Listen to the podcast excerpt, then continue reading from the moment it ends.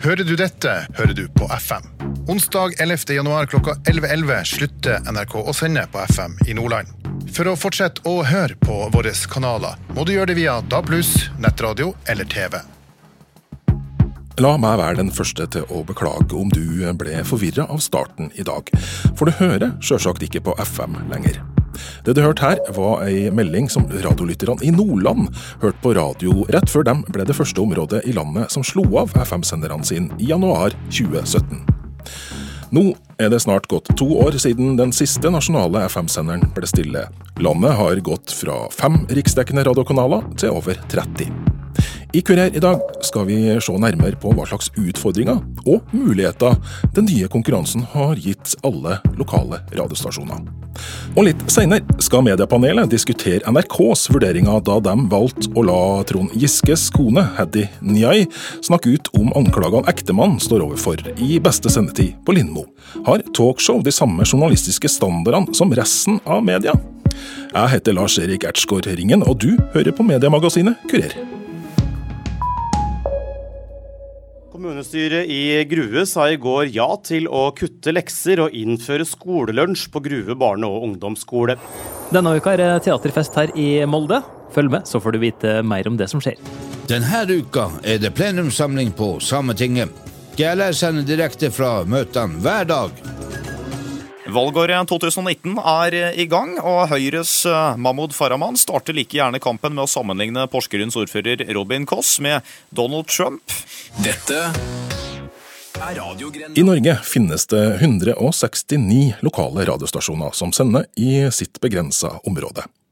Flesteparten av de her radiostasjonene er organisert i Norsk Lokalradioforbund.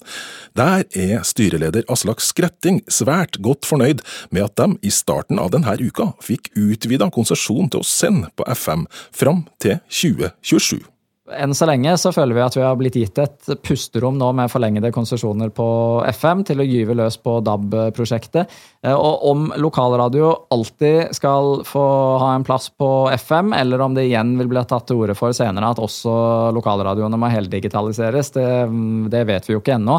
Eh, lokalradio har vært veldig opptatt av at vi, eh, FM, er sendeteknologien som godt passer til de områdene som vi sender i, størrelsesmessig. Eh, så bygger vi ut DAB og er tilgjengelig på det òg. Eh, og så får vi se med årene. Det er jo ingen tvil i fall om at på DAB så er det langt flere kanaler. Eh, hvis en lokalradio skulle sende på DAB alene, der hver kanal har en veldig mye mindre del av totallyttingen, rett og slett fordi det er flere kanaler å fordele seg på, så er det vanskelig å se hvordan lokalradioer med så små markedsandeler skal kunne overleve i lokale annonsemarkeder, så det er vi skeptiske til. Om, om liksom den økonomiske modellen for lokalradio vil fungere på DAB uh, alene. Før denne uka hadde landets lokalradiostasjoner kun konsesjon til å sende på FM ut 2021. Styrelederen i Norsk Lokalradioforbund mener at overgangen til DAB for landets minste radiostasjoner kunne ha gått i stå uten den rykende ferske forlengelsen. De investeringene man gjør i DAB er så store at eh, hvis vi skulle gjort de investeringene nå, egentlig bare med tilværelsen på FMU 2021 som tidshorisont, så hadde ikke lokalradioene turt å investere så mye penger, og så hadde hele eh, prosessen stoppet opp. Klokka den har passert ti her på Nea Radio. Det er klart for en nyhetsoppdatering. Ja, Det er tid for nyheter fra Trøndelag. Mellom sju og åtte søndagsmorgen falt temperaturen på Røros ned til 13,1 grader. Siden målingene av minimumstemperaturer begynte i 19... I studio til Nea Radio i Selbu, som både sender på DAB og FM, er daglig leder Stian Elverum glad for at de får beholde FM-senderne sine, iallfall fram til 2027. Vi har fått DAB, men vi er også på FM. og Det er jo en avgjørende faktor for lytterne og for oss. da. Eh, I tillegg så er det jo dette her med det lokale innholdet. Hvis en ser på lytteroppslutninga rundt om med de, de, nye stasjonene som har kommet, musikkradioer ofte, de tilbyr jo en musikkradio, sier jo seg sjøl, tilbyr jo bare musikk. Det har du jo tilgang på stort sett overalt ellers. Men det lokale innholdet det får du på radio. Og når du ser lytteroppslutninga i Trøndelag, de tre øverste, mest populære stasjonene i, i våre nedslagsfelt, det er to lokalradioer og P1. Og De leverer alle en form for lokalt innhold, mer eller mindre alle, alle tre. Det at Nea Radio sammen med Radio Trøndelag har monopol på å sende på FM-nettet i sitt nedslagsfelt, bidrar altså ifølge den daglige lederen til radioens suksess. I sitt kjerneområde kniver faktisk lokalradioen med landets største radiokanal, NRK B1, om å være størst. I tillegg til det å sende på FM, er det å være lokale nøkkelen til å nå lytterne i et marked der radioen i løpet av 2017 gikk fra å ha fem nasjonale konkurrenter til over 30 på DAB. Andreas Reitan, som er ansvarlig redaktør i Nea Radio, forteller at det koster å satse på godt lokalt innhold. Altså Det mest ressurskrevende er jo lokale nyheter. Der har vi jo satsa hardt. Og vi har 17 deadlines per dag på nyhetsbullene våre. Og Det er en satsing vi kommer til å fortsette med. Vi, kommer, vi har foreløpig lokale nyheter bare mandag til fredag, men kommer også til å satse på helg, så at vi får lokale nyheter også lørdag og søndag. Og fokuset på nærmiljøet stopper ikke ved journalistikken hos Nea Radio. Også kulturen skal være lokal. Rundt 50% av den musikken radiostasjonen spiller, er ifølge dem sjøl fra Trøndelag. At vi speiler den lokale kulturen, det er også fundamentalt for den suksessen som jeg tror Nea Radio har, har oppnådd. Vi velger å ha en, en programpolicy som sier at vi skal spille trøndersk musikk. Vi bruker folk som er gode på sjangeren sin, og, dem med lokale stemmer så blir det også en form for uh, lokalt innhold, der de inviterer lokale artister inn, uh, inn til seg og presenterer uh, musikken. Og det er ingen tvil om at Nea Radios satsing på det å være til stede lokalt gjennomsyrer hele stasjonen. Ja, vi har tatt turen til Kirkehusmoen Arena i Årendag. Ja, vi har gjort en fantastisk fredagskveld. Vi har foran oss, uten at vi helt har sjekka opp det, men Sannsynligheten er relativt stor at det er den første sjettedivisjonskampen i trøndersk fotballkrets som sendes ut på radio idet bussen til bortelaget Gøla fotballklubb har entra Kirkehusmoen Arena. Og for et uh, herlig vær vi har.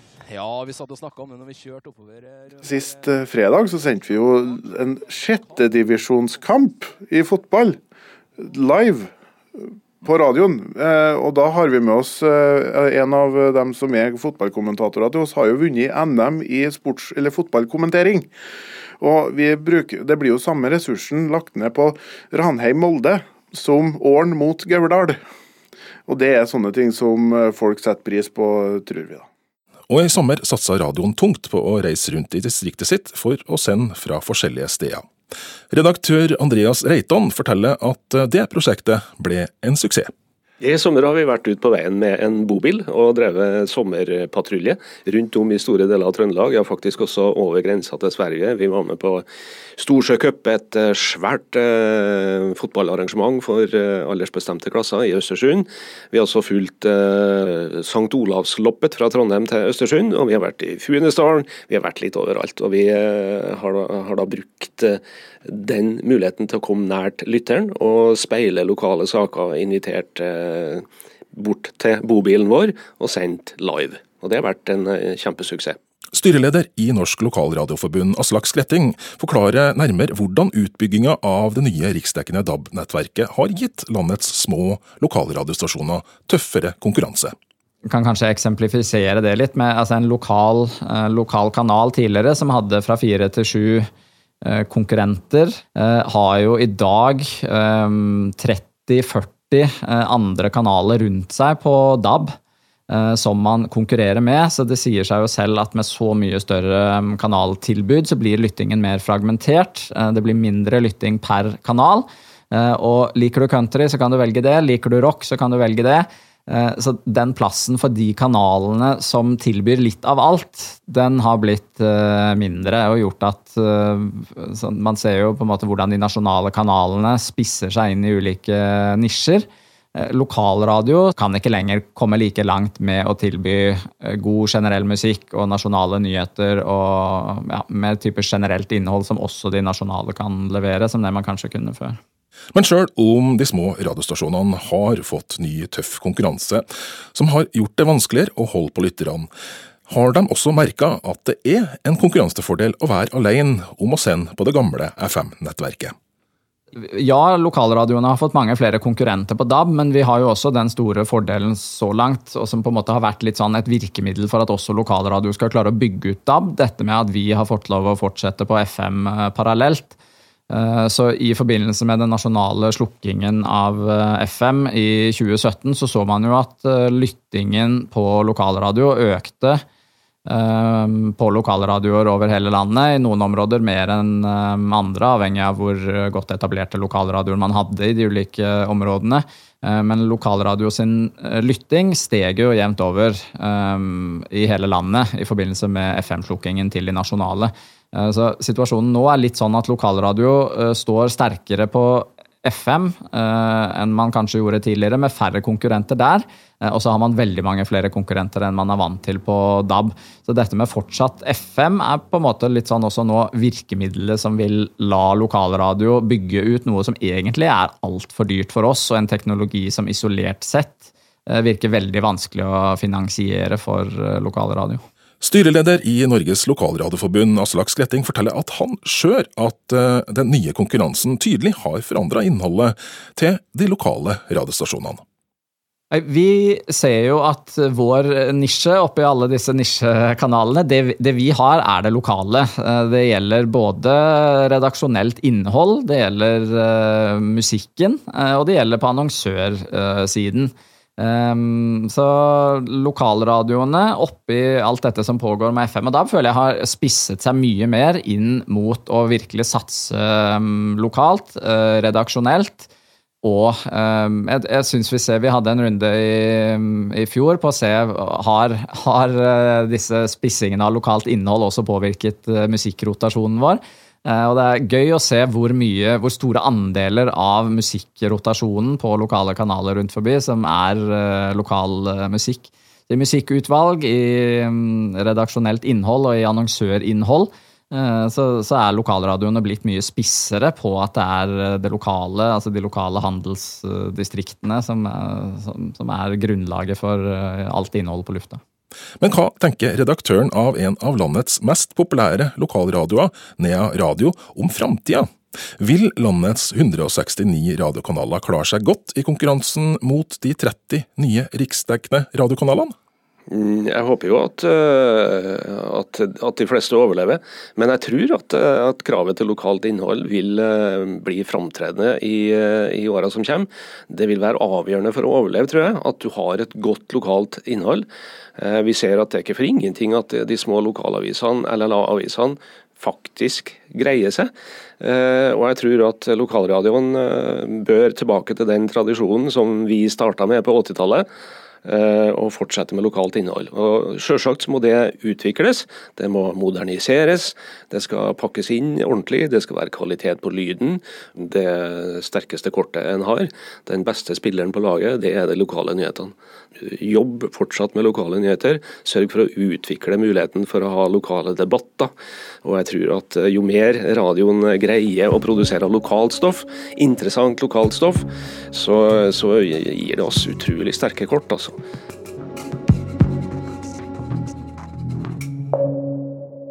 Du hører på NRK P2 og Kurer, hvor vi i den første halvdelen i dag har hørt at FM-nettet til landets lokalradioer fortsetter å sende iallfall fram til 2027, etter at konsesjonen ble utvida denne uka. Men nå skal vi over til noe helt annet. For her i Kurerstudio har jeg fått med meg regionredaktør Sigrid Gjelland i NRKs Midt-Norge-region, og nyhetsredaktør Frode Børfjord i Adresseavisen. Og i studio i Bergen sitter du, Jens Kiel, som er kommentator i Bergens Tidende. Og jeg tror trygt jeg kan si at ukas store mediasnakkis har vært et intervju som ble sendt på NRK TV for eh, litt over en uke siden. Jeg snakker selvfølgelig om Hoddy Njais besøk hos Lindmo. Her fikk den kjente mediepersonligheten snakke ut om boka hun har skrevet om dramatikken rundt varslersakene som ble retta mot hennes mann, Trond Giske, for to år siden. Eh, på et tidspunkt så beskriver han som uutholdelig umoden. Mm. Hvorfor er Trond Giske uutholdelig umoden? Han var. Nå har vi snakket sammen. Han var. Eh, det er noe med at Når du tilegner deg makt sakte, men sikkert gjennom et langt liv, jeg tror særlig menn som gjør det, eh, i hvert fall Trond, så tror jeg ofte at du eh, ikke helt får med deg hvor, mye, hvor stor rolle den makten spiller i møte med andre mennesker. Og hvordan det ikke går an å kle av seg den makten når du er på privaten, f.eks. Og at den makten du har, den posisjonen du har, enten er i form av å være kjendis eller kjemperik eller politiker, trenger ikke å være formell makt, eh, den gjør at andre menneskers grenser kan flyttes. Eller den gjør at andre mennesker føler at de kommer i en ubehagelig situasjon, som er ubehagelig fordi at, er, fordi at du er den du er. Prosjektlederen i Lindmo-redaksjonen var positiv til å være med i Mediemagasinet i dag og forklare hvilke vurderinger de gjorde i redaksjonen før intervjuet med Njai. Men etter å ha snakka med sjefene sine, måtte hun takke nei til å være med oss, dessverre. Ledelsen hadde beslutta seg for at de ikke ønsker mer oppmerksomhet om saken, så derfor er ikke hun her. Men dermed så ble det jo åpna en plass til deg, da, Jens eh, Kiel. Hva syns du om intervjuet vi snakka om, og det vi fikk se på Lindmo sist fredag? Nei, det var pinlige greier. Det må jeg bare si. Eh, det var veldig rart å sitte der og se et program hvor to kjente programledere i NRKs eh, underholdningssystem snakker eh, rolig og hyggelig sammen om en, en bok som viste seg å være så alvorlig, kontroversiell og problematisk på mange måter. Og både det spørsmålet med at det ikke er noen i studio som er en tydelig motstemme, men også mangelen, syns jeg, på eh, skikkelige spørsmål, viser at dette burde ikke NRK gjort, altså. Ja, hvilke vurderinger mener du de burde ha gjort i Lindmo-redaksjonen, utover det at de kanskje burde ha vurdert å ikke intervjue Hadinia i det hele tatt? De burde ha sørga for at dette var eh, et balansert og kritisk intervju. Altså, De burde sett at bokas alvorlighetsgrad ikke på en måte kaller på et sånt feel good, snakk ut om den vanskelige tida-intervju, men et mer konfronterende et. Og da er det sånn jeg har sett um, Det har blitt sagt at ikke alle sånne type revolverjournalistikkintervjuer passer i den type flater, og det har jeg egentlig respekt for. Men da er spørsmålet, hvis ikke alle typer spørsmål passer å bli stilt, passer da alle gjester og alle temaer til å bli tatt opp? Dagen etter at Lindmo ble sendt på TV, tok også Ukeslutt på NRK Radio opp eh, det samme temaet. Og da hadde de intervjua både Hadi Njay og Sunniva Andreassen, som er den ene varsleren. Eh, hva, hva tenker du er forskjellen på de her to intervjuene? I intervjuet i Ukeslutt så fikk vi jo helt tydelig fram hvor eh, kontroversiell eh, boka er. Og eh, både Gry Veiby selv som programleder, men også varsleren Sunniva Andreassen fikk fint peke på eh, mange av de problematiske sidene. Um, det, men det viser jo veldig tydelig da, at NRK kan helt fint intervjue sin egen eh, kjente programleder, eh, så lenge det gjøres på den riktige måten, og så lenge det også gjøres med motstemmer. Frode Bjørfjord, eh, hva tenker du er den største forskjellen på Ukeslutt og, og Lindmo som program?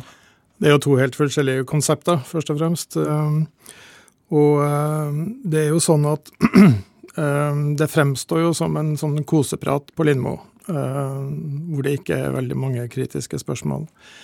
Jeg syns også det er litt sånn interessant med den type retorikk som blir brukt fra forfatteren selv. Fordi hun starter med å si eh, Nå skal ikke jeg sitere henne 100% nøyaktig, men hun starter med å poengtere at hun er journalist og er vant til å fortelle andres historie, men denne historien vil hun ikke overlate til noen andre å fortelle, det vil hun fortelle sjøl. Eh, da har hun på en måte etablert seg som en, sånn, en journalist, i hvert fall. Og hva folk tolker er en journalist. Eh, og så er det løpet videre hvor hun kommer inn på nærmest utidig samarbeid mellom politiske kretser som var motstandere til Trond Giske, eh, og journalister, for å ta en fæl fyr. Så jeg syns liksom litt av retorikken hennes eh, burde egentlig, uansett om det er et underholdningskonsept, burde egentlig vært møtt med noen kritiske spørsmål. Som var, sånn som jeg oppfatter det, helt fraværende. Vi hører jo Jens Kiel si at eh, han kanskje er litt usikker på om Lindmo i det hele tatt burde ha tatt opp det her temaet. Hva tenker du? Nei, altså Talkshow er jo en egen sjanger. Eh, og eh, den type talkshow som jeg opplever Lindmo er, er jo ikke jeg er ikke den som har sett alle episodene, men, men jeg opplever jo ikke at det er et kritisk altså Det stilles ikke mange kritiske spørsmål. Eh, altså Det er jo i hennes rett å skrive sin egen fortelling og sin egen dagbok. Men jeg syns eh, man gjennom et sånt program som Lindmo eh, eh, gir en litt sånn Altså totaliteten er at det blir en feil fremstilling av kompleksiteten i saken. Fordi det høres ut som Nå skal jeg ta en mini-oppsummering. Det er altså Hun er journalist hun er gift med Giske. Eh, hun har snakka strengt til han, og han har bedra seg. Og det er liksom det man sitter igjen med, på en måte. Eh, og her sitter det jo da eh, varslere, og det sitter også folk i politikken som på en måte syns det her blir veldig merkelig. En, altså, på Lindmo, jeg snakker ikke om boka. Hun er i sin fulle rett til å skrive hva hun vil i den boka. Men, men på Lindmo så blir det på en måte jeg mener det er feil for sjangeren å gå inn i akkurat den saken, da. Den type sak. Før vi går videre, så er det viktig at vi understreker at du, Sigrid Gjelland, selvsagt ikke representerer Lindmo-redaksjonen i denne saken, selv om du teknisk sett jobber i samme eh, mediehus. Hva tenker du om det her med tilsvarsrett, hvor viktig er det for journalistikken? Det er jo nesten komisk at nå står vi her og snakker sammen, og det tilsvarsproblemet som akkurat den samtalen har, her har, det kan ikke løse. For jeg svarer ikke for uh, Lindmo-redaksjonen. Jeg har ikke Jeg kjenner ikke den gjengen der i det hele tatt. Og har ikke vært inn i vurderingene overhodet. Men når det gjelder tilsvar sånn generelt, så er jo det uh, lagt inn i Vær varsom-plakaten. Nettopp fordi at vi skal få fram det mangfoldet i uh, meninga som finnes, og fordi at den som utsettes for angrep, skal ha mulighet til å komme med sitt svar. Det er ikke det samme som samtidig imøtegåelse, som er mer et sånn juridisk eh, kontradiksjonsprinsipp. Det ligger også i Vær. Mens tilsvaret handler om eh, samfunnsdebatten og meningsutvekslinga, og at den som angripes, også skal komme til orde. Jens Kiel, helt til slutt, eh, veldig kort, vi begynner å nærme oss slutten. Uh, kunne Lindmo-redaksjonen ha uh, rodd seg i land med å være mer kritiske i spørsmåla sine? Det hadde jo ikke løst f.eks. svaret på den floka om tilsvarsrett, men det hadde jo gitt en tydeligere og bedre presentasjon av eh, selve boka.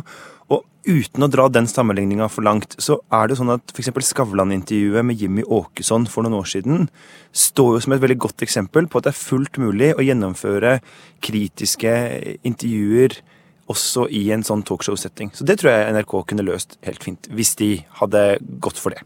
Og Da nærmer Kurer seg dessverre slutten for denne gangen. Takk til regionredaktør Sigrid Gjelland i NRK, nyhetsredaktør Frode Børfjord i Adresseavisen, og Jens Hiel som et kommentator i Bergens Tidende. Jeg heter Lars-Erik Ertskog Ringen og minner deg på om at du kan nå oss i redaksjonen på e-post om du har en reaksjon på dette programmet, eller kanskje har tips til ting vi kan se nærmere på i framtida. Og e-postadressen er kurer.krøllalfa.nrk.no. nrk.no.